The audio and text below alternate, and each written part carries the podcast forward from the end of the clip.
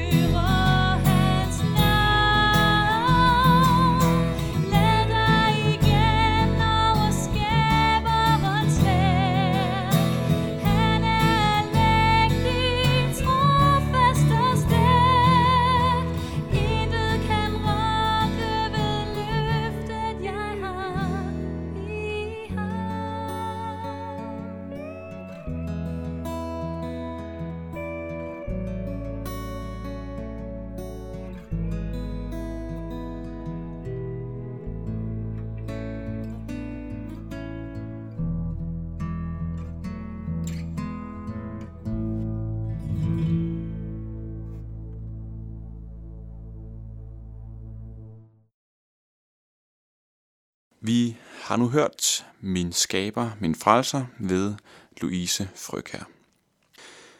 Den øh, første andagt for den her uge, den har fået overskriften Gud vil samle Israel fra alle verdens hjørner. Som sagt, så er temaet for ugen, hvordan Gud han vil bruge Israel i fremtiden. Og det første handler om, at øh, Gud han vil samle dem. Henover sommeren tilbragte jeg 14 dage i Israel på det, vi kalder minibibelskole. Det er et to ugers kursus for kristne unge, hvor de oplever landet og får en masse undervisning fra Bibelen.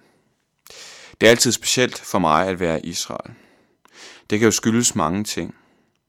Det væsentlige varmere klima, de mange lækre falafler, eller de mange interessante historiske begivenheder, der har fundet sted i dette lille land. Men faktisk er det ikke noget af det, der gør landet specielt for mig at være i. Det, der på en særlig måde slår mig, når jeg kommer til Israel, er, at Gud har givet så utrolig mange løfter til det her land og det her folk. Nogle kristne mennesker hævder, at Israel ikke spiller en rolle for Gud mere. Måske gjorde det det engang.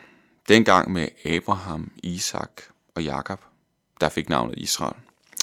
Disse mennesker mener, at nok førte Gud israelitterne ud af Ægypten og knyttede sig til dem, men på grund af Israels ulydighed forkastede Gud dem som folk. Et eksempel kunne være i år 586 f.Kr., hvor Jerusalem blev indtaget af babylonerne. Babylonerne smadrede Jerusalem og førte israelitterne i fangenskab, langt fra deres hjemland. Nogle kristne mener, at denne begivenhed var en af mange begivenheder, der bekræftede, at Gud nu ikke længere ville bruge Israels folk som sit redskab. Gud havde fået nok. Det er rigtigt, at Israel gentagende gange dyrkede andre guder end Herren. Det er rigtigt, at Gud blev vred på dem, og det er også rigtigt, at han som en konsekvens af deres synd lod Babylonerkongen føre dem i fangenskab. Men historien slutter ikke her. Og den starter i øvrigt heller ikke her. I 5. Mosebog, kapitel 30, læser vi om, at Gud stiller israelitterne over for et valg mellem livet og døden, mellem at holde Guds lov eller at vige fra den. Fra vers 1 til 5 i kapitel 30 står der sådan her.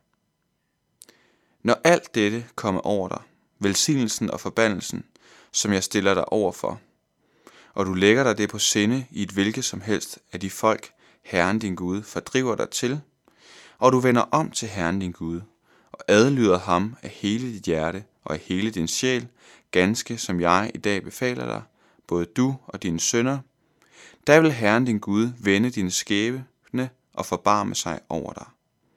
Og Herren din Gud vil igen samle dig fra alle de folk, som han har spredt dig til. Om så dine fordrevne befinder sig ved himlens yderste grænse, vil Herren din Gud samle dig og hente dig hjem derfra. Herren din Gud vil føre dig ind i det land, som dine fædre fik i eje, og det skal du tage i besiddelse. Han vil gøre dig lykkeligere og talrigere end dine fædre. Dette afsnit er en lille bid af en tale, som Moses holder til israelitterne på grænsen til det forjættede land. Israelitterne er ikke kommet ind i Kanaans land, og Moses taler allerede om, at de på et tidspunkt bliver smidt ud af det. Ikke særlig opmuntrende, kunne man synes. Den lille bid af Moses' tale kan være svær at forstå, men slår to ting fast for os. For det første bliver Israel smidt ud af landet, efter de har indtaget det. Moses bruger blandt andet formuleringen, om så dine fordrevne befinder sig ved himlens yderste grænse. Himlens yderste grænse er langt væk. Rigtig langt væk fra Israels land. For det andet vil Gud vende Israels skæbne. Det er en central formulering, som går igen flere steder i Bibelen. Gud vil vende Israels skæbne. Det betyder, at selvom Israel befinder sig langt væk fra landet, så giver Gud ikke op. Han vil samle israelitterne fra alle de folk, som han har spredt dem til, hedder det. Når vi læser videre i det gamle testamente, ser vi, at Moses havde ret i, sin første, i første del af forudsigelsen. Israelitterne fik lov at være i landet i mere end 400 år, men så blev de smidt ud på grund af deres ulydighed. De blev faktisk spredt ud til mange forskellige lande. En del af israelitterne vendte tilbage efter 70 års fangenskab, men mange kom ikke tilbage, mens efterkommerne af dem, der vendte tilbage, blev smidt ud af landet igen på et senere tidspunkt. Men hvad så med Moses' ord om, at Gud vil samle Israels folk? Jo, jeg tror, det er lige præcis, hvad Gud er i gang med at gøre i dag. Jeg er overbevist om, at Gud er ved at opfylde sine løfter for øjnene af os. De sidste 150 år er antallet af jøder i det land, vi i dag kender som Israel, vokset markant. Omkring 1. verdenskrig, altså i 1910'erne, boede der knap 300.000 jøder i landet. I dag, 100 år senere, bor der mere end 8 millioner jøder. Disse tal er med til at bevidne, at Gud i den grad er ved at samle sit folk. Måske har nogle af jer været i kibbutz. En kibbutz er et socialistisk fællesskab, hvor man arbejder sammen som selvforsynende minisamfund. Disse kibbutzer var især populære i 70'erne og 80'erne. Det interessante er, at når teksten fra 5. Mosebog taler om, at Gud vil samle Israels folk, så er ordet for at samle kibbutz. Derfor kan man tale om kibbutz galiot på hebraisk. Det betyder samlingen af dem, der har været i eksil. Min pointe i dag er, at Gud ikke har opgivet Israels folk. De er stadig hans redskab, ligesom de var op igennem det gamle testamente. Vi skal de andre dage se på, hvad han vil bruge dem til i fremtiden. I mange år kunne man betvivle Moses ord fra 5. Mosebog kapitel 30. Hvad blev der af denne samling af israelitter? Skulle det forstås anderledes, eller havde Gud glemt sit løfte? Nej. Men han opfylder sine løfter til den tid, han har bestemt.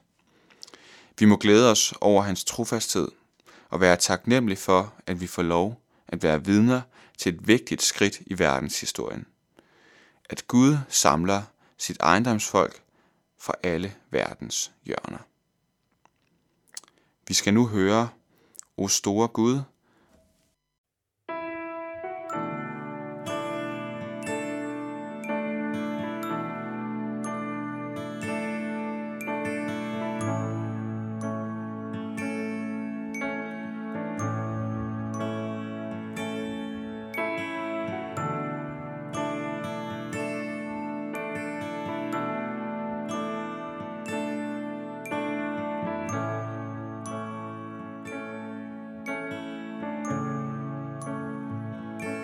store Gud, når jeg med åndren skruer naturens rigdom, herlighed og pragt og stjerners tal på himmelvælvets buer og alle ting din stærke hånd har skabt.